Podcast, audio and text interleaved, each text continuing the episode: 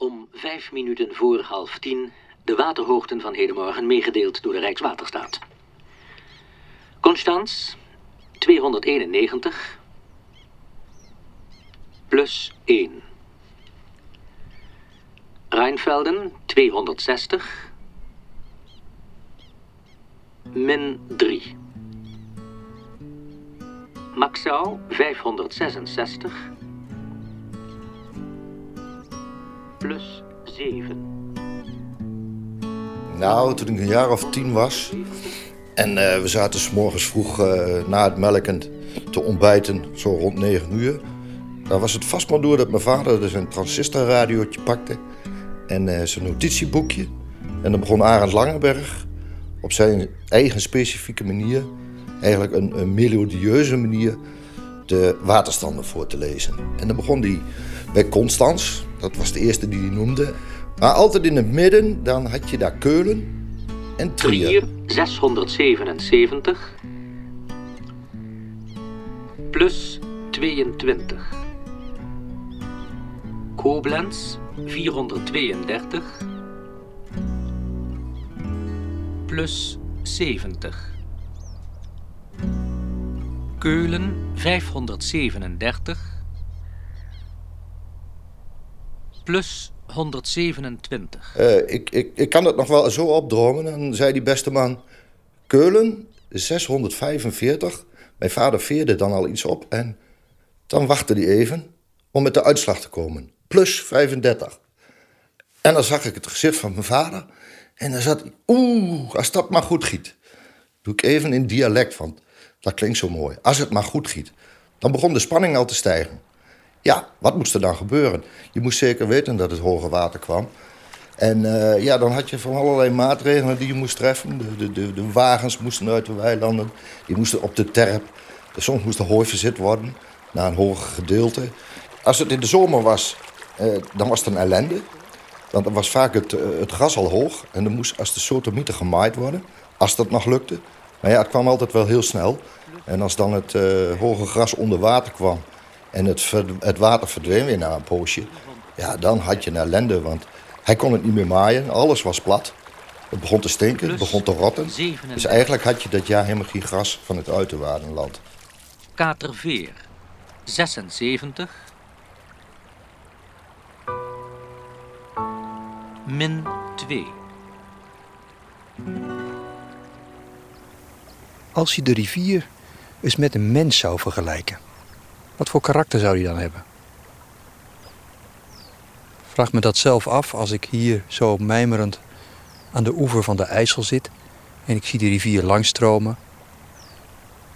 Dan denk ik, nou, vrij stabiel karakter. Die rivier die oogt hetzelfde als gisteren en eergisteren. Rustig, bedaard. In zekere zin voorspelbaar, want af en toe heeft hij wel wat nukken. Maar van die nukken kun je wel zeggen dat je weet wanneer ze eraan zitten te komen. Dat hoorde je net al bij de waterstanden op de radio. Die waterstanden zijn er nog steeds. En ik ken mensen die langs de rivier wonen die dat keurig in een schriftje bijhouden, omdat ze gewend zijn om die waterstanden heel goed in het snotje te hebben. Graven beneden de sluis 632 plus 63. Tot zover de waterhoogten van hedenmorgen meegedeeld door de Rijkswaterstaat. De rivier stroomt altijd, maar kent ook momenten van dipjes en uitbundigheid. En in deze aflevering van Rivierverhalen neem ik je mee naar die extreme. Hoog water als de rivier buiten de oever streedt, strenge vorst als er zich ijs vormt op de rivier. En voor mensen die leven naast de rivier, zoals Rinus Sluiter, die je net al hoorde, en zijn broer Gerrit, was hoogwater meestal een belevenis. Maar dat gold niet voor de generaties voor hen. Mijn oma die was daar vreselijk bang voor. Mijn opa die was er heel erg vreselijk bang voor. Mijn moeder die redde zich. Mijn vader die, nou, die vond het ook erg. En wij deden maar wat. Wij, hoogwater, je was de hele dag nat. We waren nergens bang voor. Al die verhalen die opa vertelde van... je bootje die drijft weg en je komt in kamp en je verzuipt. Nou, we zijn er nog. Ze zijn nooit weggedreven. Maar die angst, mensen hadden angst die hier woonden vroeger. Maar wij, nee, wij hebben die angst nooit gekend. We konden natuurlijk ook zwemmen. En nou, met kleren zwemmen doe je niet zo gauw. Maar dat, ja, dat, dat sterkt je wel. Je gelooft in jezelf. En dat misten die oude mensen. Die hadden absoluut, nee. Die hebben ook wel hele slechte ervaringen met die IJssel gehad. Ze moesten met, met de roeiboot, met de melk naar de dijk, met de boot. Ja, met, met een roeiboot.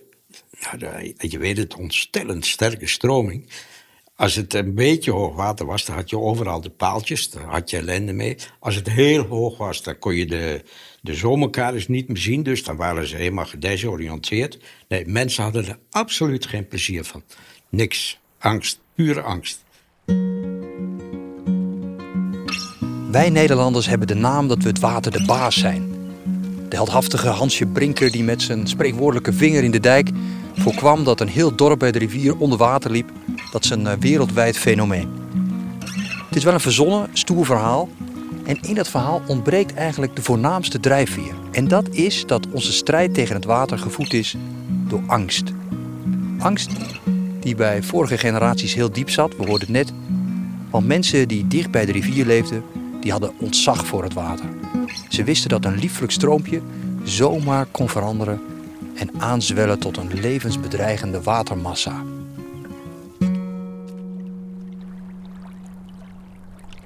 De dijk kent droogte, kracht en overvloed.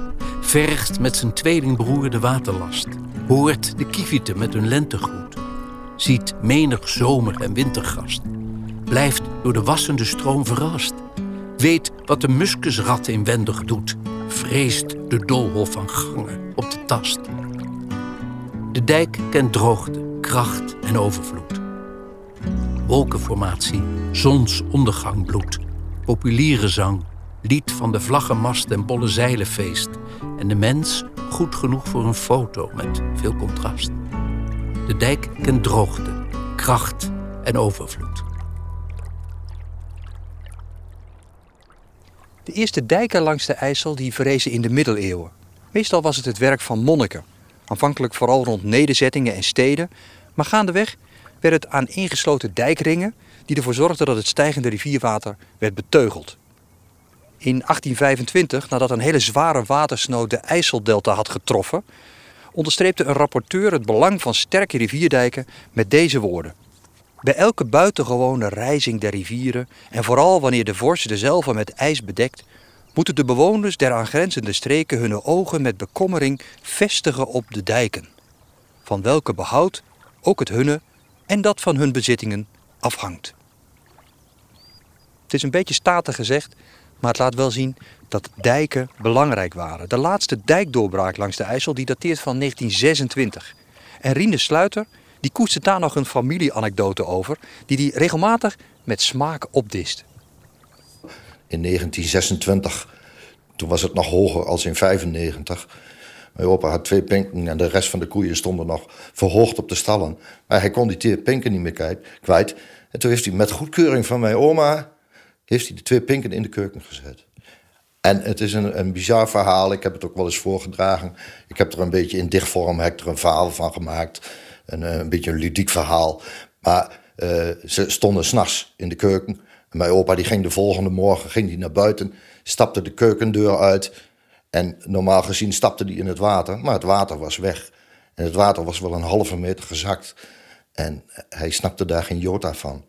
Toen is hij met zijn broer, die woonde ook naast hem, zijn ze met een houten schuit, zijn ze door het hele slechte weer, het was ook uh, stormachtig, zijn ze naar de Winterdijk gegaan en in de buurt navraag gedaan wat er toch aan de hand was, want ze snapten het niet. Nou, toen bleek dat op dat moment, die, die nacht, is in Zalk de dijk doorgebroken. Dus toen zijn die achterlanden bij Zalk die zijn onder water gelopen. En er was dusdanig effect op de hoge waterstand dat het daar bij ons uh, is gezakt. Dus dat was uh, voor hem een, een godswondertje, wat later dus geen godswondertje was.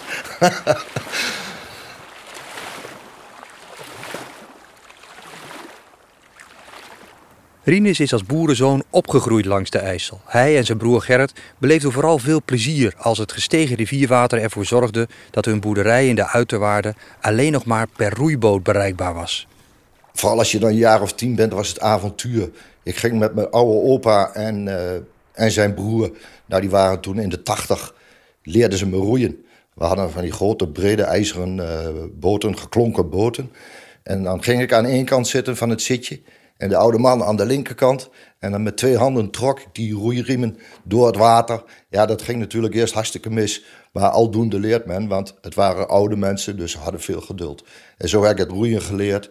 En later zat de oude man zat achterin op zijn bankje. En ik roeide met twee riemen. En dan moest je zo'n beetje 500 meter roeien om naar de andere kant te komen. Maar wel mooi, de melkbussen achterin. Die moesten elke dag van de boerderij naar de Winterdijk, want daar werd de melk opgehaald. En dat ging ook nog wel eens mis. En als je dan een, beetje slecht weer had, een boel wind, en die kwam uit het uh, zuidwesten of uit het westen, dan vaarde je naar de dijk. Maar altijd die hoge golven tegen de achterkant van de boot. En dat ging toen nog roeiend. En als je dan bij de dijk aankwam, dan lag de punt van de boot tegen de dijk. En de golven die sloegen over de achterkant van de boot. En dan ging het nog wel eens mis, want dan vielen de, de melkbussen om. En dan greep mijn vader zijn handen dan weer aan zijn hoofd van... verdikke hek weer van niks gemolken. Ja, het was niet allemaal roze geur en maneschijn. Maar uh, al die slechte dingen worden verdrongen door al het mooie en het avontuurlijke... wat je op dat water meemaakte. Want het was altijd een soort van spanning en gezonde spanning. Maar ja, mijn vader die moest er zijn brood mee verdienen... Ja, wij als jongelui die, die huppelden eromheen. Voor ons was het één grote speeltuin natuurlijk. Daar hoef je niet voor naar Walibi of wat dan ook om je uh, genoegen te krijgen. Ja, dus een keer uh, had ik de, het goede idee om een paar kalfjes naar de dijk te brengen. Waarom weet ik niet. Ik denk dat ze verkocht waren of zo. En die hebben met twee kalfjes in de roeiboot. Met mijn broer, met mijn schoonzusje. En we waren zo'n beetje halverwege. De kalvers gingen heen en weer, gleden door de boot. De boot maakte water, de boot is gezonken. En toen moesten we dan maar naar de dijk zien te zwemmen. Mijn broer een kalf vasthouden, ik een kalf vasthouden. En mijn buurvrouw die hield haar loge vast. Die wou ze boven water houden, want die had ze pas nieuw. Ook niet gelukt. En mijn buurman, de oude buurman en de oude buurvrouw... die stonden thuis te kijken en die zagen het gebeuren. Toen zegt die oude buurman, ik moet naar de jongens toe, ik moet naar de jongens toe. Toen zegt zijn uh, dochter, je komt er niet naartoe, die gekken, help ze niet, laat ze maar verzoeken. Dat, dat, is, dat is werkelijk zo gebeurd. Gauw, en wij hadden alleen maar lol.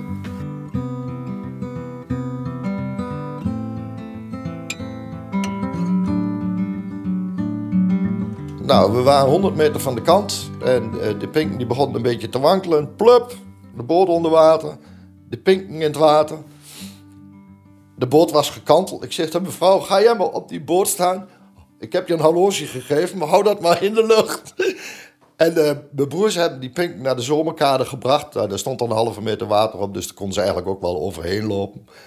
Maar wat een gedoe. En uh, mijn buurvrouw, die, die, die vond het allemaal maar niks, al die gekkigheid van, van die jongens van Sluiter. En, en, en de broer van mijn opa, die stond er ook bij te kijken. En die wou ons wel helpen. Maar ze zei van, waarom er niet aan, want ze brengt hem in het ongeluk. Die vond dat maar niks. Ja, we waren eh, met allemaal jongens thuis en we waren allemaal nogal een beetje avontuurlijk en uh, we stonden nergens voor. Dus er gebeurde altijd wel wat. Dus ze was het wel een beetje gewend, maar toch, ze, ze denkt van nou, laat mijn oude vader er maar niet achteraan, want dan gaat het niet goed. Het is heel opvallend. Mensen die ik spreek langs de rivier, die zeggen allemaal stuk voor stuk dat ze vroeger vaker hoogwater meemaakten dan nu. En dat ze er vooral hele warme herinneringen aan bewaren. Marinus Dijk bijvoorbeeld, een boerenzoon, die begint meteen te glimmen als ik hem vraag naar verhalen over momenten dat de rivier de uiterwaarden onder water zette.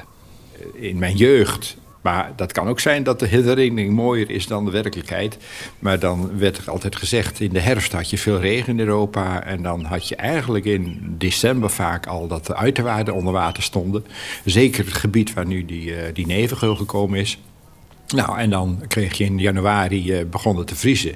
En dan zeiden ze, nou, de pot is vol en dan komt er een deksel op. Dus de uiterwaarden stonden vol water en dan ging dat ijs erop.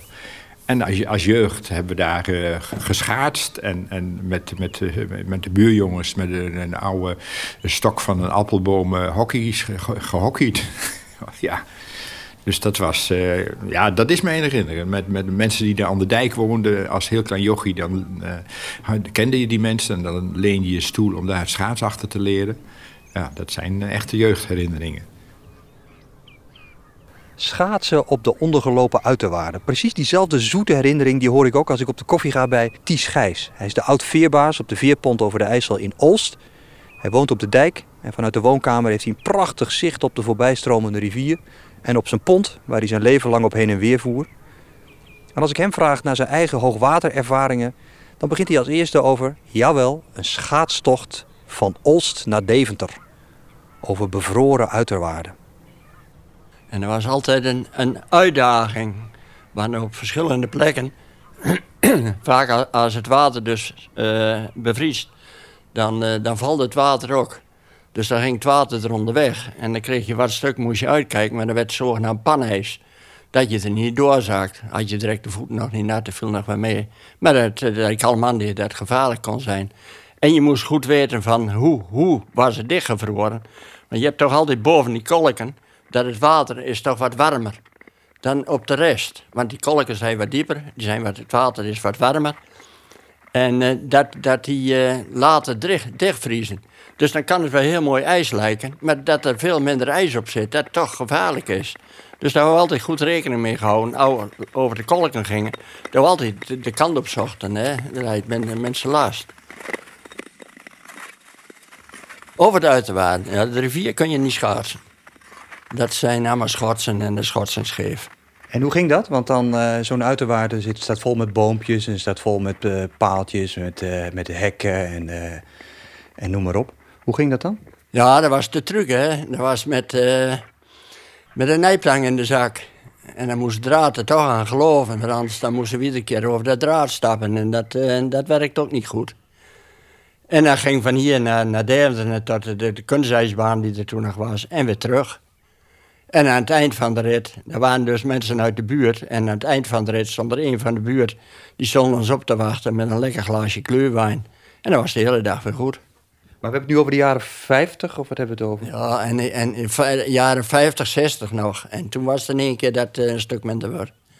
Want 63, dat was voor mij uh, elk het jaar dat er uh, op en top ijs hadden, overal. En dat verschillende ijsbanen thuis op de vloer, op de grond lag dat er geen water meer onder zat. Zo, zo, zo hard verloren toen. En dat een hoop dieren in nood, want er lag ook sneeuw. En dan een hoop van die, van die waterhondjes, die, die zaten gewoon, nou, die waren meer, meer dood dan levend. En die, die, die probeerden we dan in leven te houden. En die namen we mee hier naar de schuur toe. En daar we een stukje af en er zaten een stuk of wat van, van die. En die voeren we bij, van die waterhondjes. Maar ja, dan valt dat toch tegen. Want dan hebben ze zo'n gehad dat die eigenlijk slecht meer uh, er doorheen kunt helpen. Was dat die zware winter, 63? 63, ja. ja. Toen vroor de rivier ook dicht? En die vroor zo dicht dat er met, met, met auto's over, over het... Uh, ik moet zeggen auto's. Dat, dat, dat er over de rivier werd gereden. En dat de eerste rit die met de auto over de rivier ging dat was mijn vader in de auto. Die had een stuk touw om zijn middel heen. En uh, liep er een heel stuk achteraan. En uh, hield dat touw vast.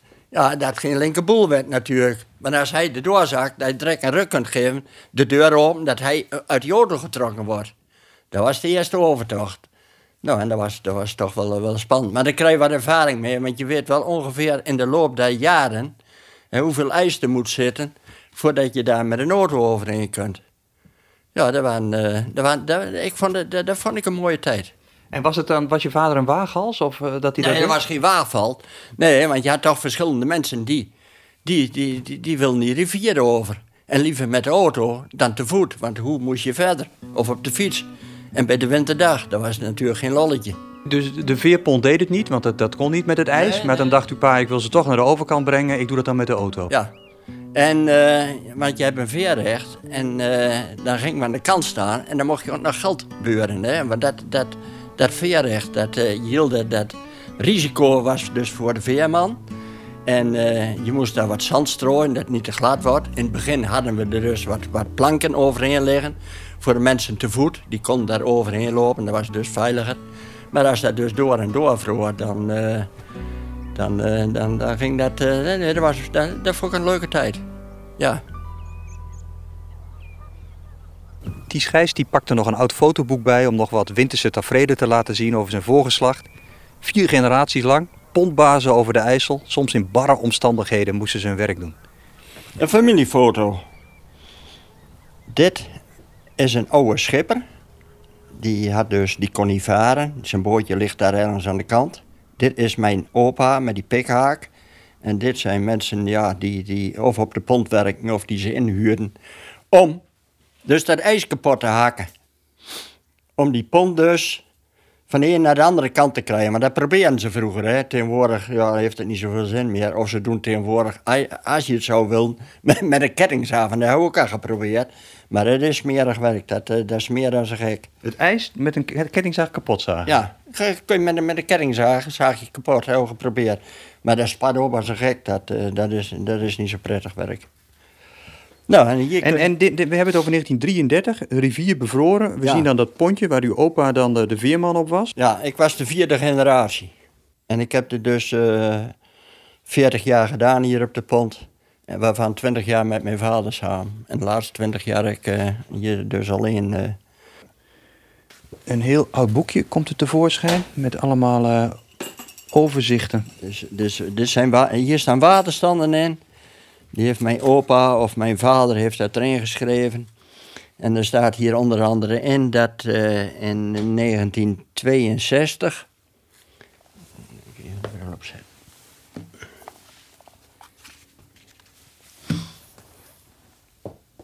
Ja, 1962.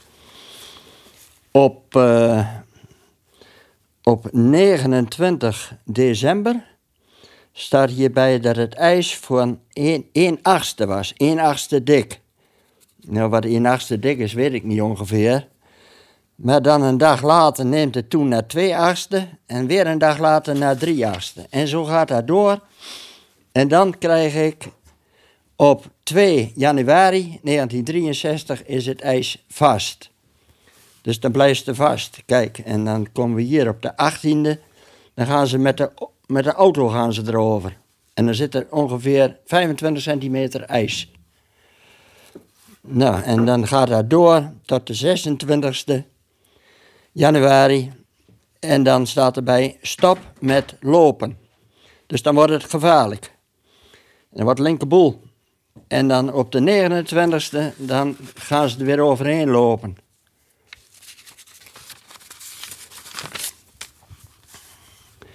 En dan lopen ze over het ijs. En dan blijft dat nog doorgaan tot de februari de, de 17e. En dan eh, staat erbij, en dan eh, gaat de IJssel los. En dan is er bijna geen drijfijs meer. Mooi, en dan staat erbij in het boekje, even, even kijken. Dus dat is een logboek, dat is met de hand allemaal opgeschreven. Ja. Aantekeningen omtrent bijzondere omstandigheden, hoogwater, ijs en ja, tijd. Ja, En dat werd elke dag ingevuld. dat werd el- elke dag ingevuld. Was dat verplicht? Moest dat ook? Ja, je was eh, waterwaarnemer, zo heette dat. En daar de, de, de werd je voor betaald. Dus iedere morgen om acht uur moest je naar die peilschaal toe en kijken hoe hoog het water was. En dat werd genoteerd en dat werd in die boekjes opgeschreven. En dat werd dan doorgegeven aan Rijkswaterstaat. En dat werd aan de Rijkswaterstaat doorgegeven. Heb je dat ook nog gedaan of is dat op een gegeven Ja, moment nee, dat heb, ik, dat, dat, heb ik ook nog gedaan, tot Brrr.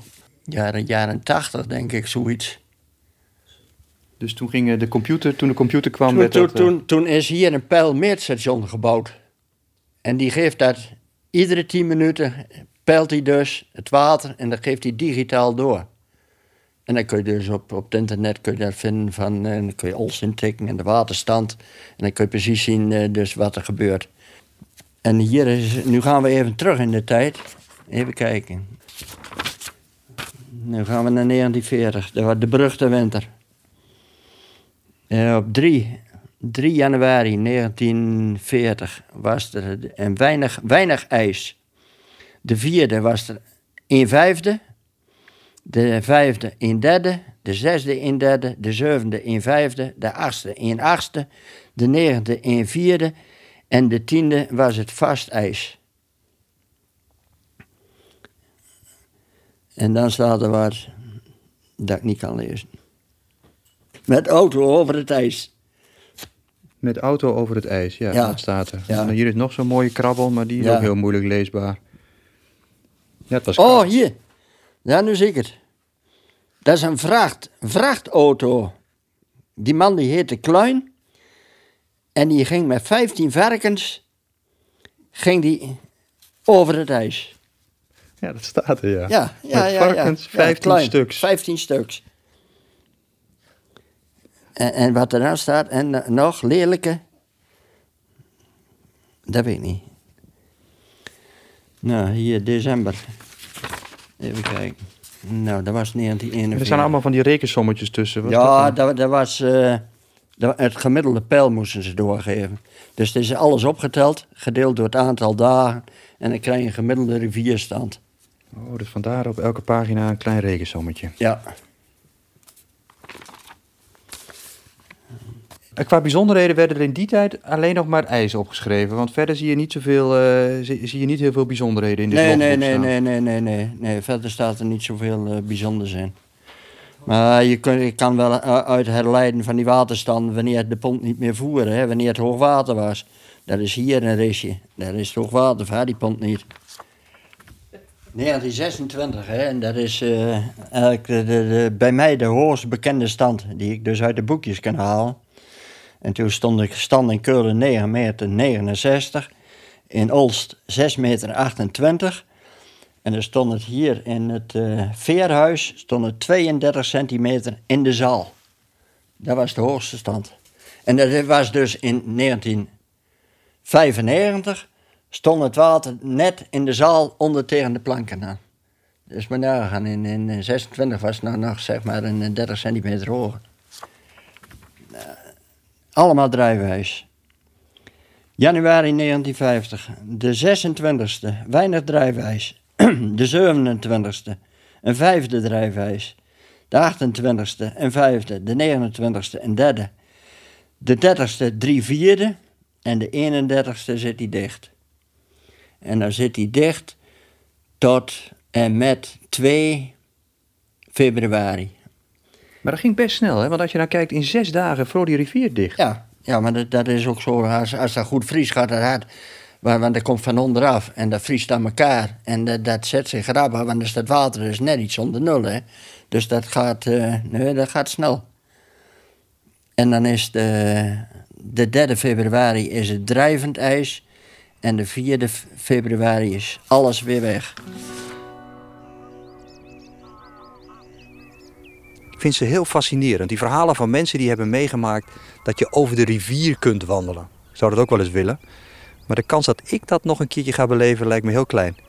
Als ik op Twitter een eh, oproepje doe om zulke ervaringen te horen, dan meldt zich Roelof Keppel uit Hattem. Hij herinnert zich een heel avontuurlijk tochtje over de bevroren IJssel. Het was een hele koude winter en, eh, mijn vader die had een oude Volkswagen Kever. Ik eh, zie het kenteken nog zo voor me, FX 2575. En hij had nog wat recht te zetten met de huiseigenaar van het huis dat hij net gekocht had.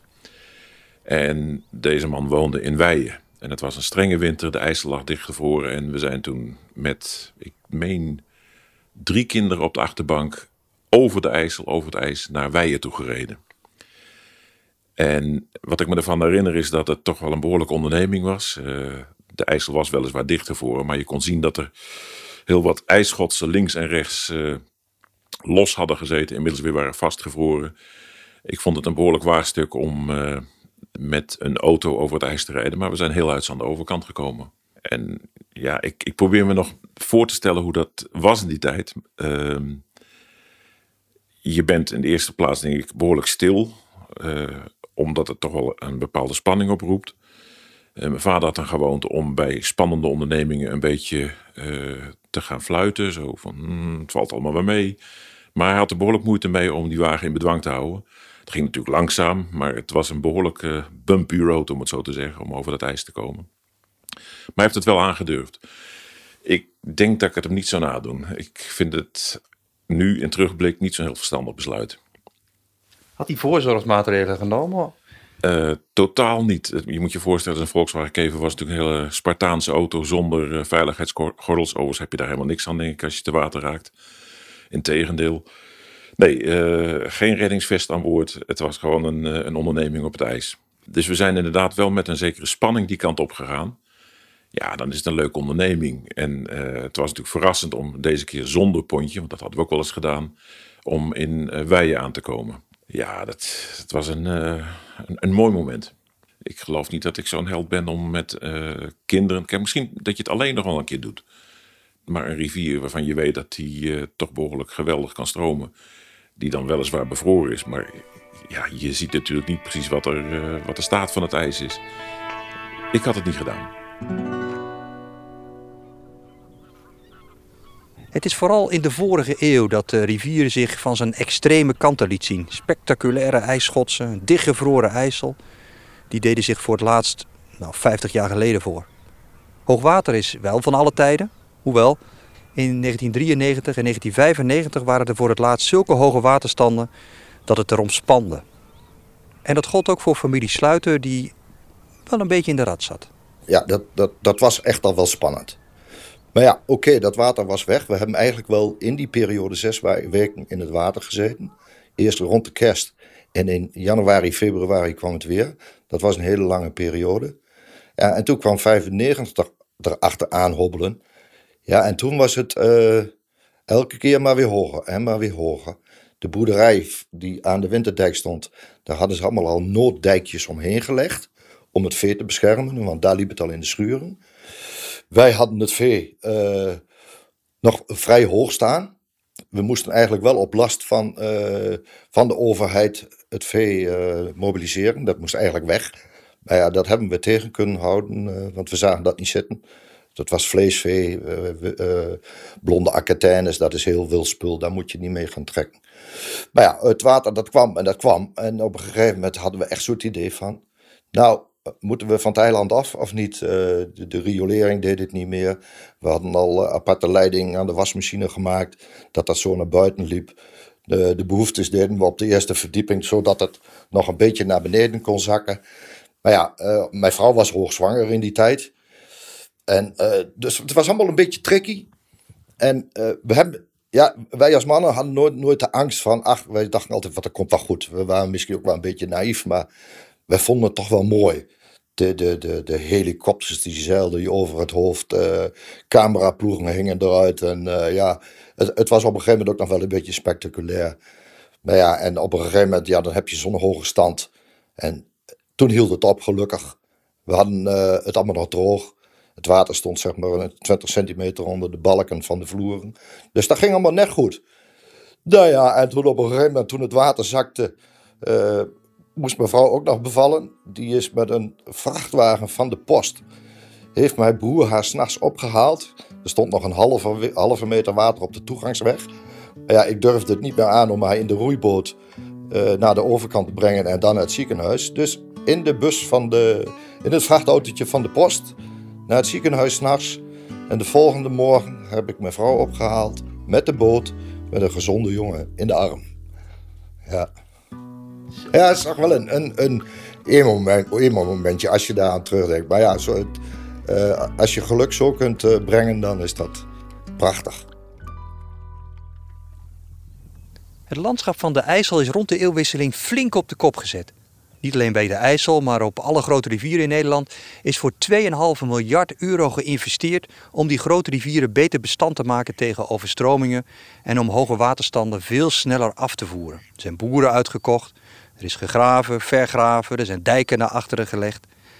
En die IJssel die heeft dus ook meer ruimte gekregen. Met nevengeulen en op twee plekken, bij Wapenveld en bij Kampen, een zogenaamde bypass, zodat overdadig water snel richting IJsselmeer kan worden afgevoerd. Maar toch, die rivier die laat zich maar heel moeilijk peilen en sturen. Dat weet ook IJsselbewoner Gerrit Sluiter, die ik ernaar vraag. Hij moest zelf ook verhuizen trouwens, uit de uiterwaarden, om ruimte te maken voor de rivier. Het is sowieso veel minder, veel minder vaak, uh, minder hoog. Ja, alleen 93, nee, alleen 94, 95 was extreem. Maar er is veel minder water en, en, en ja, die, die, die, die zomer. Ik denk een jaar of twintig geleden hadden vaak zomers een keer. En dat is natuurlijk rampzalig als je hier woont, want dan is je hele bedrijfsvoering leg. eh. maar dat is, eh, ja, is niet te verklaren. Je kan, zeg het maar. We wisten dat het kwam, want je kijkt altijd naar Keulen. Je kijkt alle dagen naar de, de waterhoogte, nu nog. En je kijkt naar Keulen en dan denk je, oh oh, komt water aan. Keulen 537 plus 127. Ik kan de veranderingen niet peilen. De laatste jaren is het in ieder geval stukken minder. En dat komt niet door ruimte voor de rivier, want die, eh, die, die was later. Nee, ik, ik weet het niet. Ik kan het niet plaatsen. Maar gek is het wel, want je zei, we, denken, we worden allemaal bang gemaakt met klimaatverandering. Er, komt meer water, eh, de zeespiegel stijgt. eh, we moeten rekening houden met natte voeten. De dijken moeten goed op sterkte. Dus zeg maar, dat is de ene kant van het verhaal. En de andere kant is de realiteit dat je eigenlijk ziet dat er minder hoge waters in onze grote rivieren zitten. Ja. Ja. Ja, zeg het maar. Ik, ik denk dat er minder... eh, want iedere keer dan is er veel sneeuw. En dan, dan hoor je dat en lees je dat. Oh, ontzettend veel sneeuw. Nou, dan denk je, er komt veel water. Maar nee hoor, dat, dat zie je niet weer. Het is, eh, de IJssel was een, een smeltwaterrivier. Maar dat is ingehaald door de tijd. Wat gebleven is, Joost mag weten, het is nu meer regen.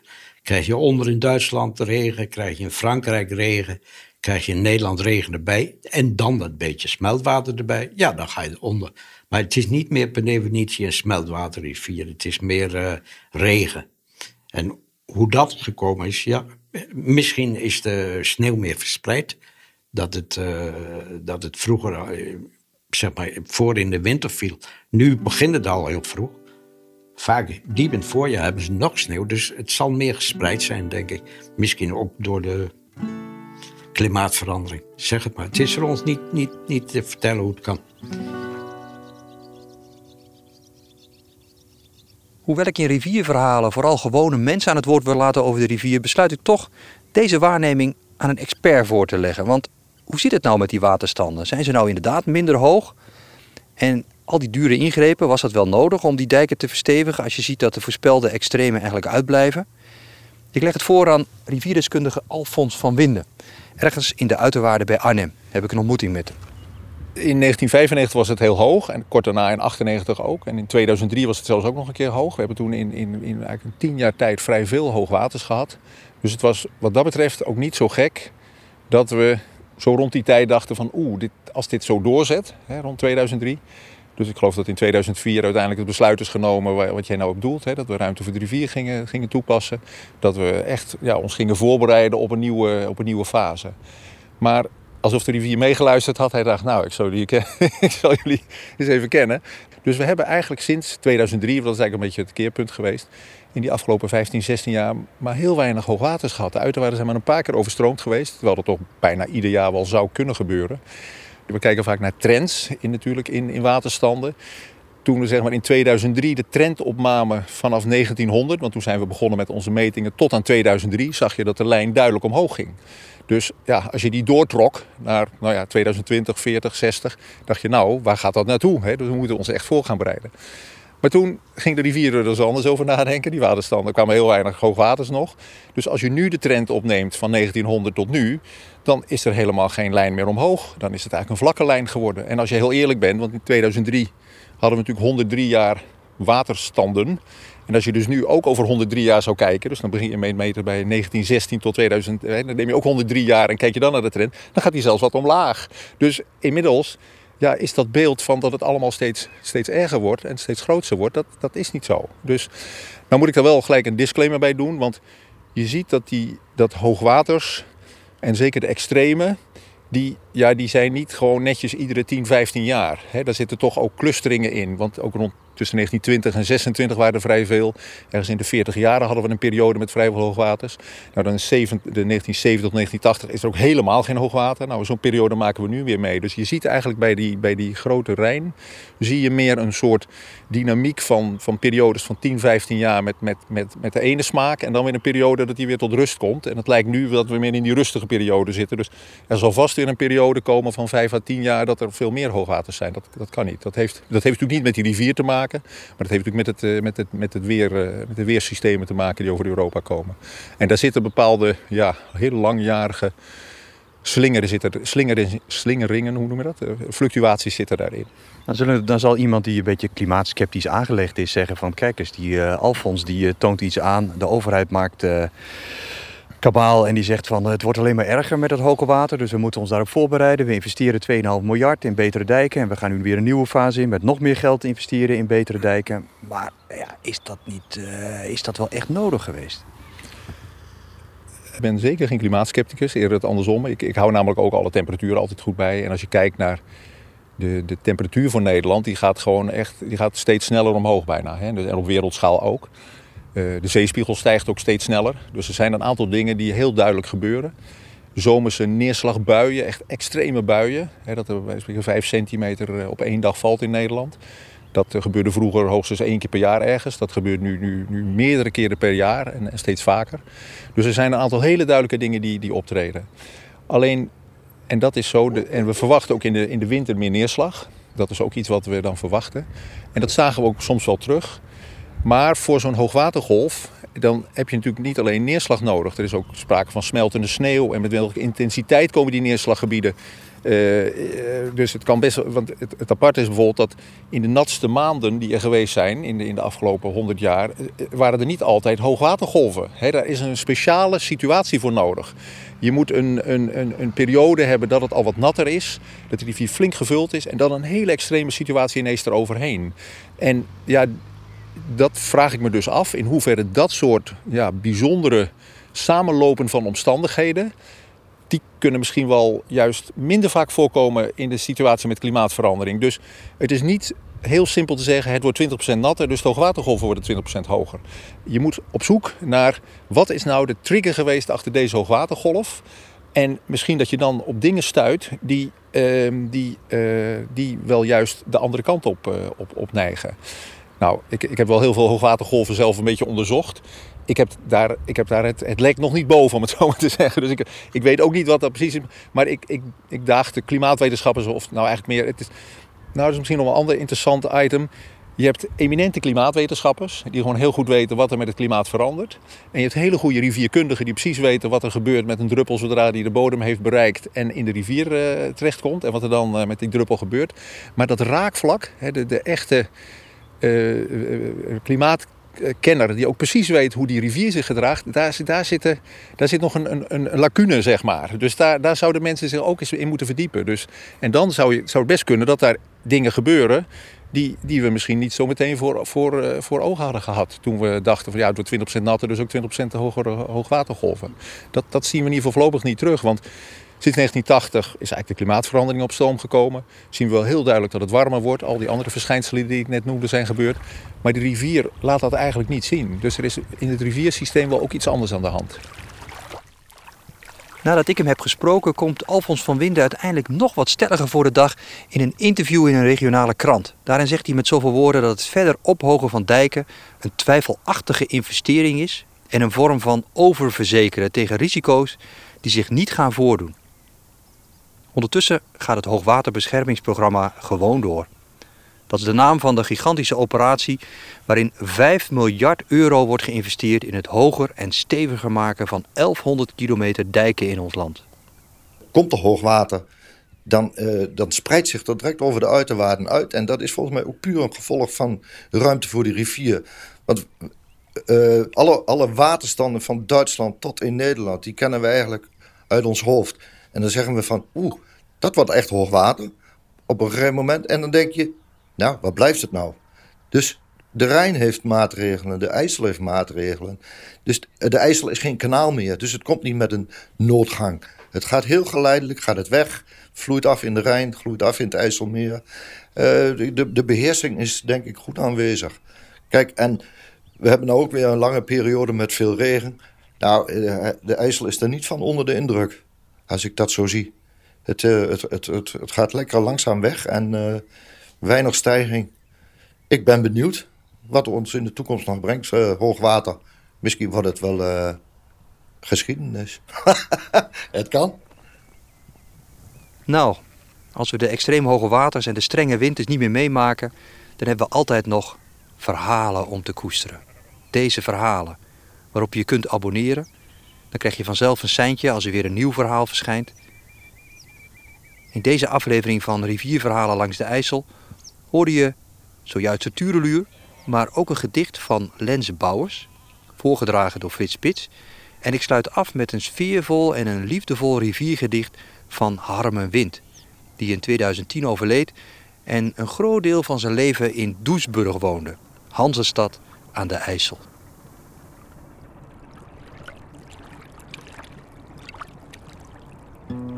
Tijd scheidt, betoogde ze. Kijk naar wat komt en wat gaat. De onverenigbaarheid van begin en eind. Anders dan bij deze rivier bijvoorbeeld. Het gaan zat in het openen en sluiten van haar mond. Maar ons bestaan hield aan de IJssel vast waaraan wij zaten in de zachte avond. Dacht zij dat elk moment het vorige verdrong? Kwamen wij onophoudelijk tevoorschijn en was alles wat wij zeiden uitgesproken weg? Kon zelfs herinnering geen ding bewaren? Ik keek haar aan. Ze was er van begin tot eind. Net als de dijk. Het schouwpad. En jazeker, de rivier. Ik kijk naar de lucht, wordt weerkaatst op het water. En hoe mooi de rivier altijd in beweging is. Onderweg naar de zee, rustig naartoe glijdt. En al mijn gedachten gaan mee. Deze aflevering is onderdeel van de reeks Rivierverhalen over de IJssel. Als je een centje wilt krijgen over nieuwe afleveringen van Rivierverhalen, abonneer je dan op deze serie. Ik kijk naar de rivier, naar hoe het altijd maar doorstroomt.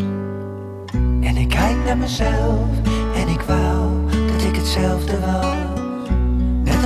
Die altijd wel een weg vindt. En ik kijk naar mezelf en ik wou dat ik net zoals het water schepen kon dragen. Ze weg kon laten varen met de wind. Dat ik net zoals het water de golven kon maken. Dat ik nooit meer zou verdwalen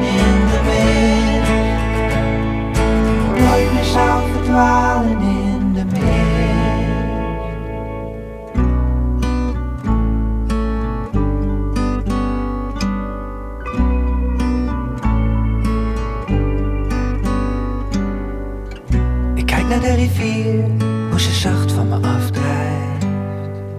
Onderweg met de wind, op reis naar de horizon.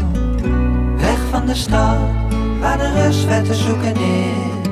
En ik kijk naar mezelf en ik wou dat ik net zoals het water schepen kon dragen. Ze weg kon laten varen met de wind. Dat ik net zoals het water de golven kon maken. Dat ik nooit meer zou verdwalen in de mist.